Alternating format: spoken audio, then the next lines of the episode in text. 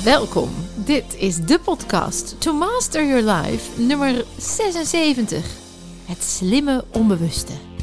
Tips op het gebied van body, mind en food. Mijn naam is Vilna van Betten en ik heb er super veel zin in.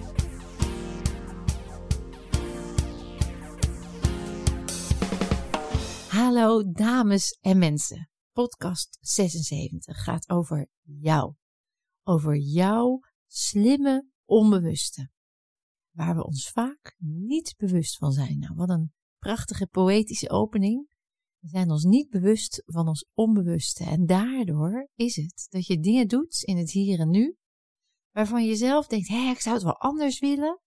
Maar dat het niet lukt. Want dat heeft ermee te maken dat als we naar jouw brein kijken en we gaan daarin zitten. Dat 95%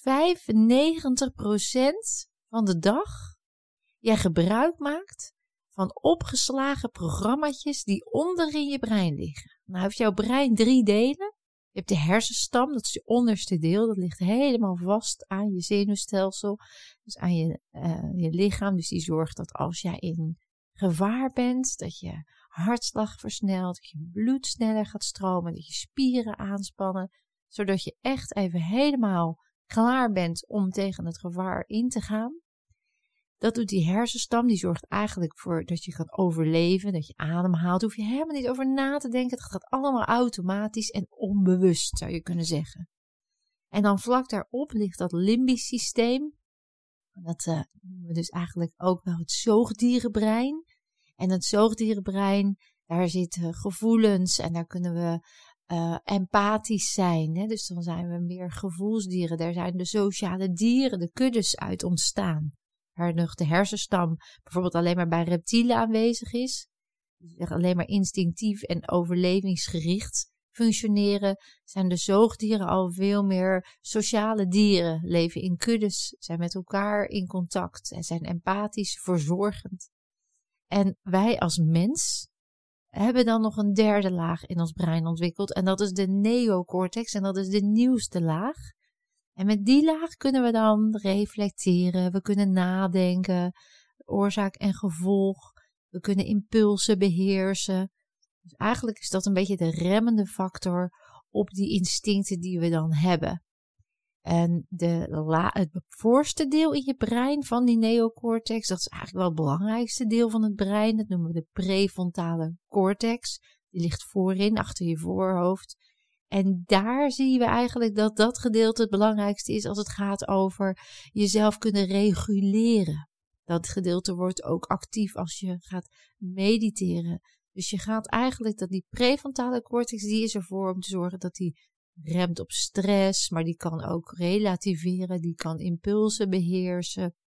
En als je uh, je nagaat als je brein van onder naar boven zich ontwikkelt in 26 jaar tijd, dan is het eigenlijk wel heel erg bijzonder, opvallend en gek dat met de kennis die we hebben over het brein, we nog steeds denken dat het stoer, leuk, nuttig en nodig is dat we in de puberteit, waarin juist die prefrontale cortex tot ontwikkeling komt, waardoor ze dus emoties kunnen gaan reguleren, impulsen kunnen gaan beheersen, dat ze zelfreflectie kunnen gaan toepassen, dat we dan zeggen, weet je, lachen, ga lekker stappen, ga lekker heel laat uit, ga lekker uh, drinken, zuipen, drugs, heerlijk allemaal, terwijl dat eigenlijk meteen de groei van het brein remt. Eigenlijk gaan daar de hersencellen dood van en stopt de functie van de prefrontale cortex. Dus ik zou zeggen, lieve mensen, laten we ons met z'n allen bewust worden en de, onze leerlingen en onze kinderen meegeven dat we goed zorgen voor dat brein en dat op een andere manier lol maken ook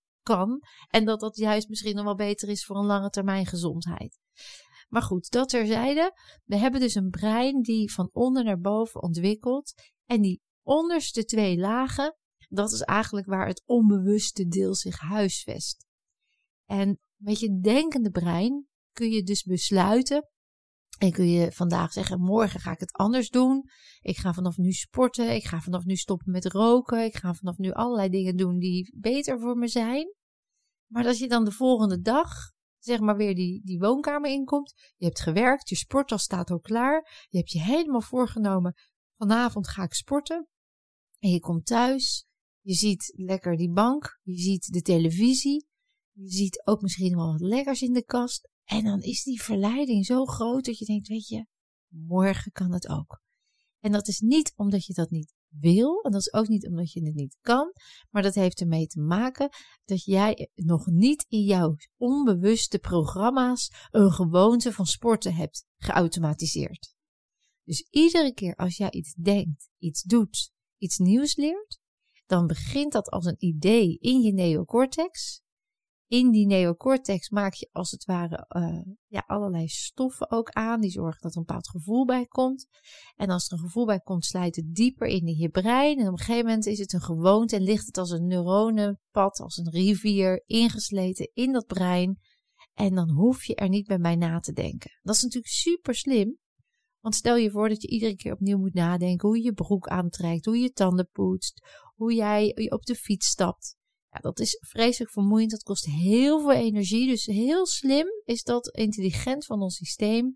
Dat we onthouden wat we eenmaal geleerd hebben. Zowel in ons celgeheugen, daar gaat de vorige podcast over. Maar ook dus in onze gewoontes, in ons gedrag. Nou, en als dat dan dieper inslijt, dan snap je het al. Dan komt dat dus in dat onbewuste brein. En dat onbewuste brein, dat is vol automatisch. En dat gaat gemiddeld 6 seconden sneller dan we bewust kunnen bedenken. En zo is het bijvoorbeeld dat als jij ergens loopt en op een grasveld en je ziet iets wat lijkt op een slang, je in eerste instantie dus je hartslag omhoog gaat, je verkrampt, je bloeddruk stijgt, al je spieren spannen aan. En pas als je ziet dat het om een tuinslang gaat, ja, of dan, dan, dan voelt je, dan voel je hem wegtrekken. Dus je krijgt eigenlijk meteen een activatie van je sympathicus, dus van je gaspedaal. Dat is het systeem in jou dat zorgt dat je actie kan ondernemen. En pas als je ziet dat het wel meevalt, dan kun je met je denkende brein, oh gelukkig het is een tuinslang, en dan gaat die parasympathicus, dus het remsysteem in je lichaam, rust, ontspanning, die wordt dan geactiveerd en dan komt er weer balans. Nou, in de oertijd hadden we gewoon heel vaak momenten dat die sympathicus geactiveerd werd. En dat waren vooral momenten van direct gevaar. Dus een buffel die ineens uh, aanviel of iemand van een andere stam. Dus dat was levensbedreigend. En dan, als we dan gevochten, gevlucht of, hè, of gedaan hadden wat we moesten om te overleven, dan hadden we daarna altijd een moment van rust. Dan gingen we onszelf weer ontladen van de emoties die we hadden meegemaakt en opladen om weer in balans te zijn. En dat kon zijn in de vlammen staren, of je, trok je terug naar de grot, of je ging eventjes slapen. En er was een hele natuurlijke balans. We waren veel meer lichaamsbewust en we wisten veel beter wat ons lichaam nodig had dan dat we dat nu weten. Omdat we nu vooral heel veel in ons doen en onze sympathicus zitten en gaan en denken en nog een keer denken, horen we eigenlijk niet meer wat ons onbewuste programma's de hele dag doen en wat er van binnen gebeurt. En als we dan iets voelen, dan weten we niet zo goed hoe we ermee om moeten gaan en dan gaan we er dus maar niet mee om. Of we stoppen het weg, of we negeren het, of we eten het weg. En dan zien we dus dat we allemaal gewoontes ontwikkelen ter bescherming van ons onbewuste, om, of omdat we geen tijd nemen om naar het onbewuste te gaan. En dan raken we eigenlijk meer verwijderd. Nou, als je nou realiseert dat je dus dat het onbewuste 6 seconden van sneller is en je hebt het ook nog eens 95% van de dag uh, gebruik jij dat onbewuste. Dus 95% van de dingen die je doet, doe je vol automatisch. Dat is hoe je je glas oppakt, dat is hoe je een telefoontje pleegt, hoe je auto rijdt, noem het maar op. En pas als je iets nieuws gaat doen of iets met volledige aandacht, waar je echt goed bij na moet denken, waar je even geconcentreerd mee bezig moet zijn, dan zul je zien dat je dat bewuste inzet. En dat is ongeveer, ja, zeg eens maar 3 tot 5 procent van de dag gebeurt dat. En dan kan het dus zijn dat jouw onbewuste programma's bevat met een patroon wat belemmerend is. Bijvoorbeeld dat jou is aangeleerd ja, dat je als je een insect ziet, een wesp, dat je in paniek schiet. Dat kan zijn dat je ouders zo reageerden, angstig. Dat kan zijn dat je een keer gestoken bent door een wesp. Dat onthoudt jouw brein. En dan slaat hij dat op in het onbewuste. En dan zul je altijd op die manier reageren. De belangrijkste imprintfase hierin is tussen je nulde en je zevende jaar. En waarom is dat nou zo belangrijk? Omdat tussen je nulde en je zevende jaar je hersenen de, de, de hersengolven, dat kunnen ze meten, hoe je hersengolven, dus de vloeiing in je hersen, die zorgen dat hoe het communiceert met de rest van je lichaam, die is dan in alfa-staat. Alfa-staat is een optimale leerstaat. Het is de staat tussen um, ja, concentratie, alertheid en ontspanning. Het is de staat waarin je hersenen optimaal samenwerken, de hersenhelften. Het is de staat waarin je in verbinding bent met je onbewuste en met je lichaam nog heel erg. Dus ons hele uh, systeem is tussen ons 0 en 7e jaar in die superleerstaat. Dat betekent dat je tussen je 0 en je zevende jaar eigenlijk alles wat je meemaakt voor waar aanneemt. Het is direct in je onbewuste. Je gaat er niet meer over nadenken, er zit geen filter tussen, je gaat er niks van vinden. Het komt je toe, het slijt in als een patroon in je brein en dat wordt een gewoonte. Dat wordt jouw identiteit. We identificeren ons vaak ook daarmee. Dus als je in die eerste zeven jaar veel dingen hebt meegemaakt die handig zijn, dan zul je daar in je huidige leven heel veel profijt van hebben. Tegelijkertijd werkt het ook andersom. Als je dus dingen hebt meegemaakt die niet handig waren, dan zul je nu merken dat ze in het nu steeds weer terugkomen. Dus je automatisch aangeleerde gedrag zijn gewoon uh, kopieermachines. Dus alles wat je meemaakt in je omgeving, ja, dat doe je na. Dan zul je zien dat je dat ook op deze manier dan reageert. En dan kan het dus heel goed zijn dat je zegt, ja, weet je, toen ik jong was, was dat een hele handige reactie. Omdat ik in de klas nou eenmaal voor mezelf moest opkomen. Of omdat ik, omdat mijn moeder het altijd zo deed en die had er baat bij. Ja, in mijn situatie nu zou het wel handig zijn als ik iets anders van mezelf laat zien. Dat ik de extraverte kant van mezelf laat zien in plaats van de introverte kant. Alleen omdat we denken dat we zo zijn, denken we ook dat het voor altijd bij ons moet blijven. Terwijl dat dus niet waar is. Want je brein is hartstikke flexibel en adaptief. Dus op het moment dat jij iets verandert en je legt het in je onbewuste anders neer, dan zal dat zich ook in ander gedrag weer uiten. Dus aangeleerde geconditioneerde patronen, dat zijn ingesleten automatismes. En die zul je elke keer opnieuw herhalen, mits je bewust wordt ervan. Dus je gaat ze herkennen. En dan ga je ze herkennen, erkennen en eventueel veranderen. Een tweede belangrijke wat per definitie in je onbewuste terechtkomt, dat zijn freezes. En freezes zijn eigenlijk gebeurtenissen die zo heftig zijn dat je uh, de emotie die erbij hoort, de energie van die emotie, die komt vast te zitten. Je amygdala wordt op dat moment ontvoerd. En dat betekent dat het niet meer samenwerkt met die prefrontale cortex, met dat denkende brein. Dus je amygdala die ligt als het ware, dat is je emotieregulatie, die, die onthoudt alle negatieve, nare ervaringen. En die gaat zorgen dat het dan verwerkt kan worden. Nou, als die ontvoerd wordt, dan kan dat dus niet verwerkt worden. Dan heeft hij geen contact meer met die prefrontale cortex. En dan blijft die energie die heftigheid, die emotie, die blijft als het ware in jouw systeem vastzitten. Nou, als je realiseert dat een emotie slechts een fysieke beweging is, en je voelt ook een emotie fysiek, je zegt ook ik heb een steen in mijn maag of een brok in mijn keel, dan kun je je voorstellen dat die energie, die, niet, die, die moet optimaal stromen, je lichaam heeft een bepaalde energieflow, en dat die niet optimaal kan stromen en dan voel jij dat dus als een blokkade. Ja, en als je dus dingen meemaakt die niet verwerkt zijn, dat gebeurt dus bij een freeze, dan zie je dat ook dat in je onbewuste vast ligt.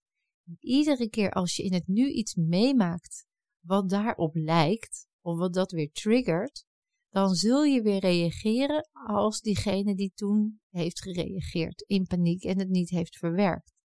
En dan blijf je dus in die loop vastzitten. Dat noemen ze dan bijvoorbeeld posttraumatisch stresssyndroom. Maar het kan zich ook uiten in een geautomatiseerde reactie die jou niet dient. Van angst of paniek of boosheid of verdriet. En dan kan het zijn dat je in een hele liefdevolle relatie zit of op een hele leuke werkplek. Maar dat je toch iedere keer, ondanks dat die persoon zo aardig en zo lief is en zo leuk, op het moment dat er iets gebeurt waarin jij je afgewezen voelt, miskend, dan zul je zien dat je weer reageert zoals in die freeze. En dat is dan niet constructief helpt jou niet verder. En als je dan weet dat het onbewuste dus sneller gaat dan je bewuste, dan kun je dus bedenken de volgende dag: oké, morgen ga ik echt anders reageren op diezelfde situatie. Maar dan lukt dat niet. En dat komt dus, als het een freeze is, komt dat omdat het vast ligt. En als het dus een geautomatiseerd gedrag is, dan komt het vaak omdat je er niet bewust van bent. En dan is het nodig om, je, om dat te doorbreken. Het is dus eigenlijk heel bijzonder dat we afgeleerd zijn om met ons lichaam, wat ons onbewuste is, dat die onderste delen van het brein, die zijn verbonden met het lichaam, weet je nog, dat we die lichaamssignalen, die energie die vast blijft zitten, die blokkades, dat we dat niet meer voelen bewust. Eigenlijk durf ik te beweren dat je dat best wel weet. Want jij hebt ook momenten dat je ineens voelt: hé, hey, ik heb een stijve nek. Of ik heb last van mijn onderrug. Of mijn knie zit op slot. Of ik heb last van mijn keel. En het is bijna één op één neer te leggen dat dat in situaties is waarin je stress ervaart. Of waarin je dus iets doet wat weer getriggerd is uit het verleden.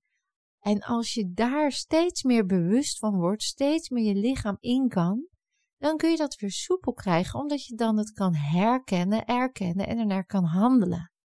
En ons hele Live Master programma, zo'n week of een weekend, dat is allemaal gericht om je lichaamsbewustzijn te vergroten, om dat naar binnen gaan te versterken, zodat jij niet in het hier en nu weer in bepaalde patronen vervalt.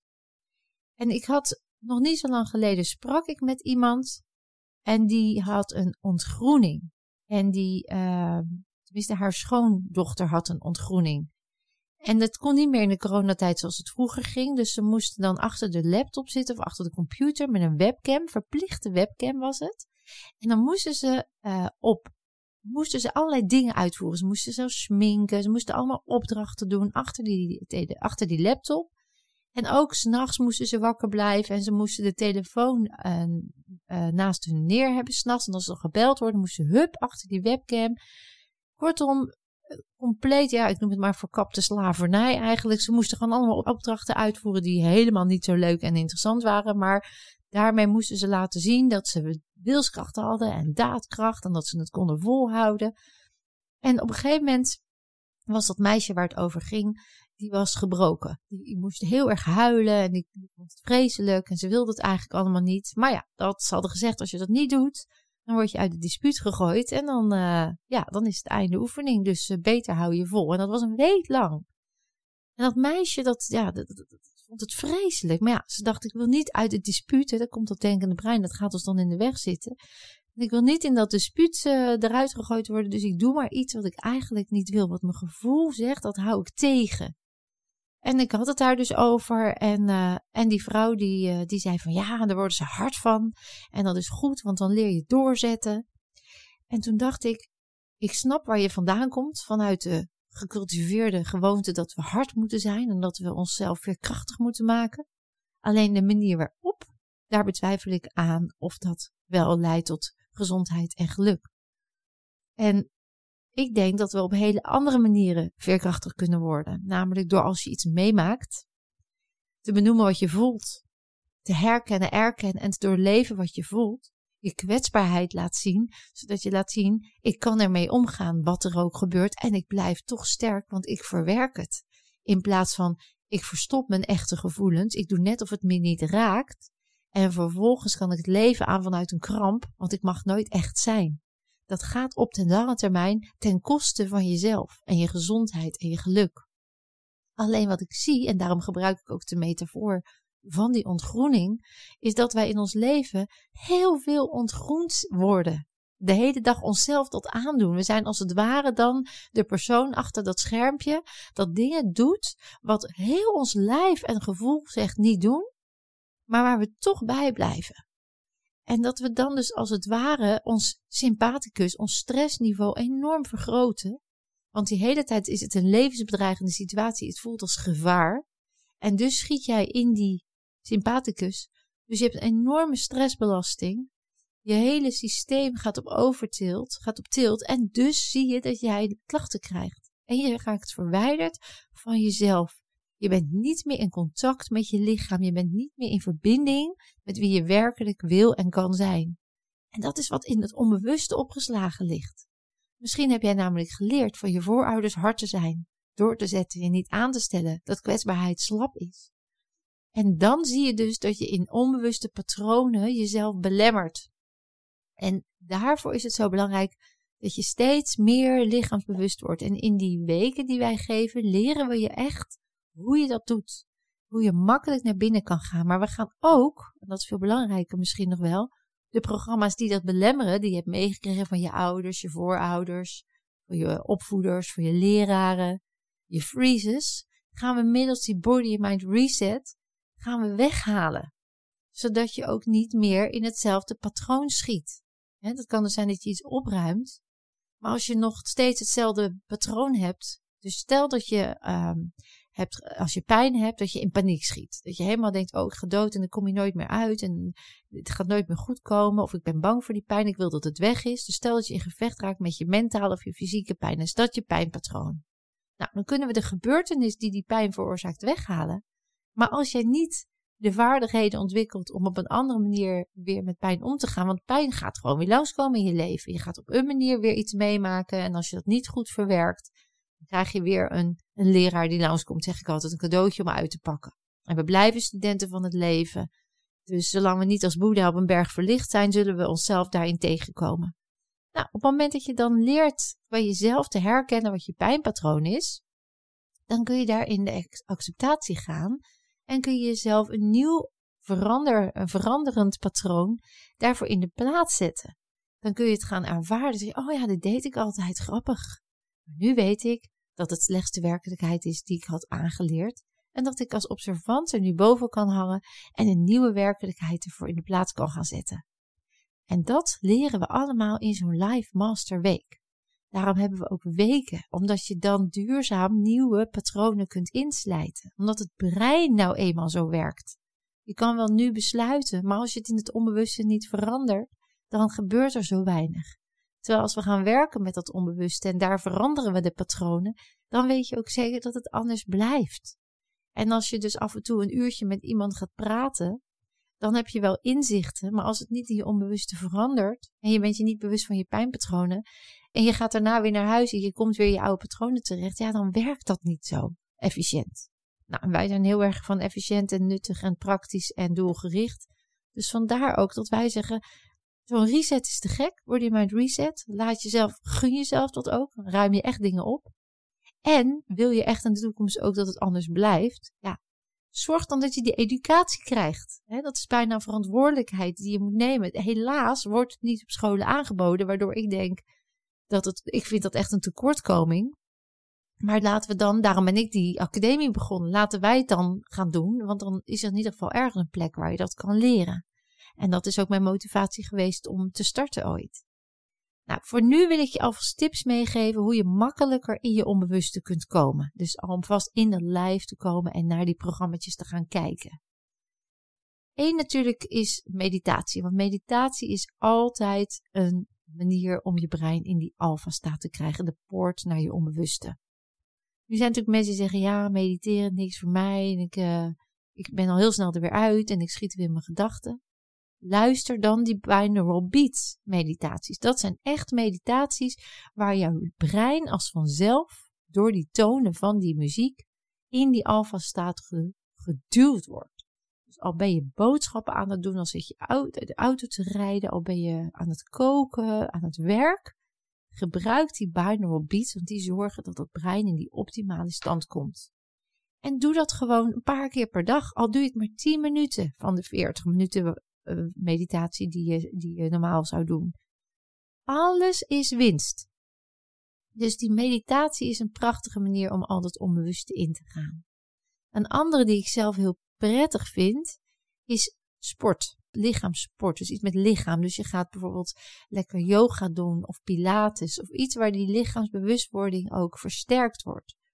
Uh, hardlopen is ook prima. Waar je even je hoofd leeg maakt en de endorfines aanmaakt. Maar ook het lijf weer ingaat. Dat je bewust in het nu blijft tijdens het hardlopen. Dus zul je merken dat misschien in het begin ben je nog heel erg aan het nadenken. En op een gegeven moment kom je in een ritme. Kom je in een bepaalde tred in het nu. Dan ben je weer afgestemd, dan ben je weer in line, in alignment met je lichaam. Dus een vorm van fysieke beweging is natuurlijk fantastisch om, uh, om te integreren. En als je ook zegt, ja, ook daar hè, zit niet in mijn systeem, ik doe nooit sport, ik hou niet van yoga of pilates. Al doe je maar voor het eten tien keer een, uh, een kniehef of neem de trap wat vaker op en neer. Zorg dan dat je begint met kleine stapjes, waardoor je dat makkelijker integreert. Een andere die, uh, die ik ook veel in de seminars doe, is met ademhaling. Dus je gaat, de ademhaling is als het ware ook zuurstof op plekken krijgen waar ze heel lang niet geweest zijn. Dus het gaat meer het lichaam in. En je verlaagt je cortisol, je verlaagt je stress daarmee, waardoor je echt veel meer in de ontspanning komt. En ook het lijf helemaal weer tot rust brengt. Nou, er zijn heel veel ademhalingstechnieken die je kunt gebruiken. In mijn boek heel, deel ik er een die heel snel en efficiënt werkt. Uh, begin gewoon eens met gewoon al wat vaker diep in en uit te ademen. Gewoon even lekker helemaal heel die longen vullen met lucht en dan heerlijk hè, met een zucht ook uitademen. Alsof je even oplucht, letterlijk opluchten. En waarom is dat nou zo efficiënt om in het onbewust te komen? Je kunt het vergelijken met doordat je met ademhaling dieper naar beneden de kelder ingaat. Maar je doet niet alleen, dan ga je de kelder in, je gaat ook het licht aanzetten. En dan komt er lucht in die kelder, zeg maar. Dus je gaat, de, doet de deur open, dan komt de waait naar binnen. Je ziet het omdat het licht aangaat en omdat het naar binnen waait. Ja, waait als het ware ook, waaien ook blaadjes en papiertjes en herinneringen waaien op. Dus je komt ook daar bij situaties waar je wat mag oplossen. Een zoogdier, en dat zijn wij ook, uh, ontlaat door ademhalen. Heel diep adem te halen. Daar haalt hij emoties mee weg. Dus je kunt op allerlei manieren kun je jezelf ontladen. Maar met name ademhaling is daar een belangrijk onderdeel van. En in de Body Mind Reset zit die ademhaling ook geïntegreerd. En je kunt natuurlijk gewoon uh, ja, met gezonde voeding en een gezonde leefstijl. Uh, ben je eigenlijk, zeg je eigenlijk, ik zorg goed voor mijn lichaam. En als je goed voor je lichaam zorgt, dan ben je dus ook wat ja, lichaamsbewuster bezig. Hè? Je voelt wat meer wat goed voor je is. Je weet wat je lichaam nodig heeft. Hè? Dus je gaat in plaats van vullen, ga je voeden. Dus je gaat niet de zak chips pakken uit gewoonte en uit zoutbehoefte vanwege de stress. Maar je zegt gewoon van nee, ik, ik voel nu dat mijn lichaam even wat gestrest is. Dus ik ga even mediteren of ik ga even ademhalen. En ik neem iets gezonds als een appel of iets van fruit of groente. Uh, waardoor je zacht bent voor jezelf, lief bent voor jezelf en zorgt dat je lichaam vrij blijft van gifstoffen. Ja, gezonde voeding, ik heb het natuurlijk al vaak over gehad, maar dan moet je echt denken aan veel groente en fruit. Dat is echt een van de belangrijkste onderdelen van je dagelijkse eetpatroon. Zoveel mogelijk groente en fruit, het liefst eh, in bulken eten, dus ochtends, middags, avonds omdat iedere keer als je lichaam iets tot je krijgt, ja, dan is dat ook weer iets wat het moet verwerken. En dat is een soort stress voor je lichaam. Uh, als je dat vaak achter elkaar doet. Dus begin bijvoorbeeld met een uh, gezond ontbijt. Lekker veel groente, fruit, groente, fruit. Uh, maar ook een groenteomeletje. Of havermout met ja, donkere vruchtjes, kleine vruchtjes. Daar zitten veel antioxidanten in. Die beschermen jou tegen de gifstoffen. En dan bijvoorbeeld twee uur later neem je twee glazen water met citroen en gember. En weer twee uur later lunchen. Weer twee uur later neem je weer twee of drie glazen water. En dan heb je avondeten en dan doe je ook nog s'avonds een paar glazen water. Dan kom je en aan je water en aan je maaltijden. En je zorgt echt dat je voldoende uh, ja, goede stoffen binnenkrijgt. Zorg dus dat je zacht bent voor jezelf, lief bent voor jezelf. Ja, en een andere die je kan doen is natuurlijk uh, de affirmaties. Die je ook kunt vinden bij tussen de podcast. En dan kruis je je handen en je benen. En je beweegt met je ogen aan de bovenkant van je ogen heen en weer van links naar rechts. En dan zeg je dingen op die goed zijn voor jou. En begin voelt dat misschien nog een beetje als een trucje. Hè? Je zegt bijvoorbeeld: Ik hou van mezelf, ik vind mijn lichaam goddelijk, ik ben helemaal fantastisch, ik, uh, ik heb vandaag een lievelingsdag. Nou, dan denk je misschien, dat hele lijf zegt misschien nou is helemaal niks van waar. Weet dan dat door dat te zeggen, je ook alweer bewuster wordt wat er dus niet waar, wat je lichaam nog jou vertelt, waar die nog tegen vecht, wat het conflict nog is. Dus als het nog niet waar voelt, dan is het niet omdat het niet waar is, maar dan is het omdat er in het onbewuste nog programmaatjes liggen die uh, anders zijn geprogrammeerd. En door dat dus aan te gaan, dat conflict, dus dat te herkennen en denk oké, ik merk hier dus weerstand. Dan is dat waar jouw groei ligt. Dan mag je met die weerstand aan de slag. Dan mag je, nou, zo'n live massa programma of een body mind reset. Of je aanvaardt het, zegt ik, ah, ik zie het conflict en ik ga gewoon rustig door met de affirmaties. Want die werken op de lange termijn, slijten die weer in. Dus dat wordt weer mijn nieuwe bewustzijn. En zo train je jezelf rustig aan met kleine stappen, hè, met affirmaties, met ander voedingspatroon, met een beetje meer beweging, kom je al heel dicht bij jezelf. Het is helemaal niet zo ingewikkeld. Maar heb je daar nou hulp bij nodig? Dat is natuurlijk prima. Ook ik zoek daarin mijn hulpbronnen. En daarom zijn we ook mens om elkaar te helpen. Dus als je zegt, nou, ik wil dat wel leren, hoe ik dat integreer in mijn leven, nou, kom dan gewoon lekker een keertje langs. Ik hoop dat je vandaag heel veel tips hebt gekregen, maar ook bewust bent geworden van je slimme onbewuste, die dus sneller is dan jij denkt. Waar je dus invloed op kunt uitoefenen. Dat je middels de tips al aan de slag kan. Maar dat je jezelf ook vooral gunt om misschien eens een keer zo'n onbewust programmaatje aan te pakken. In ieder geval wil ik dat jij weet dat het altijd goed komt en dat je meer kan dan dat jij denkt. Bedankt voor het luisteren.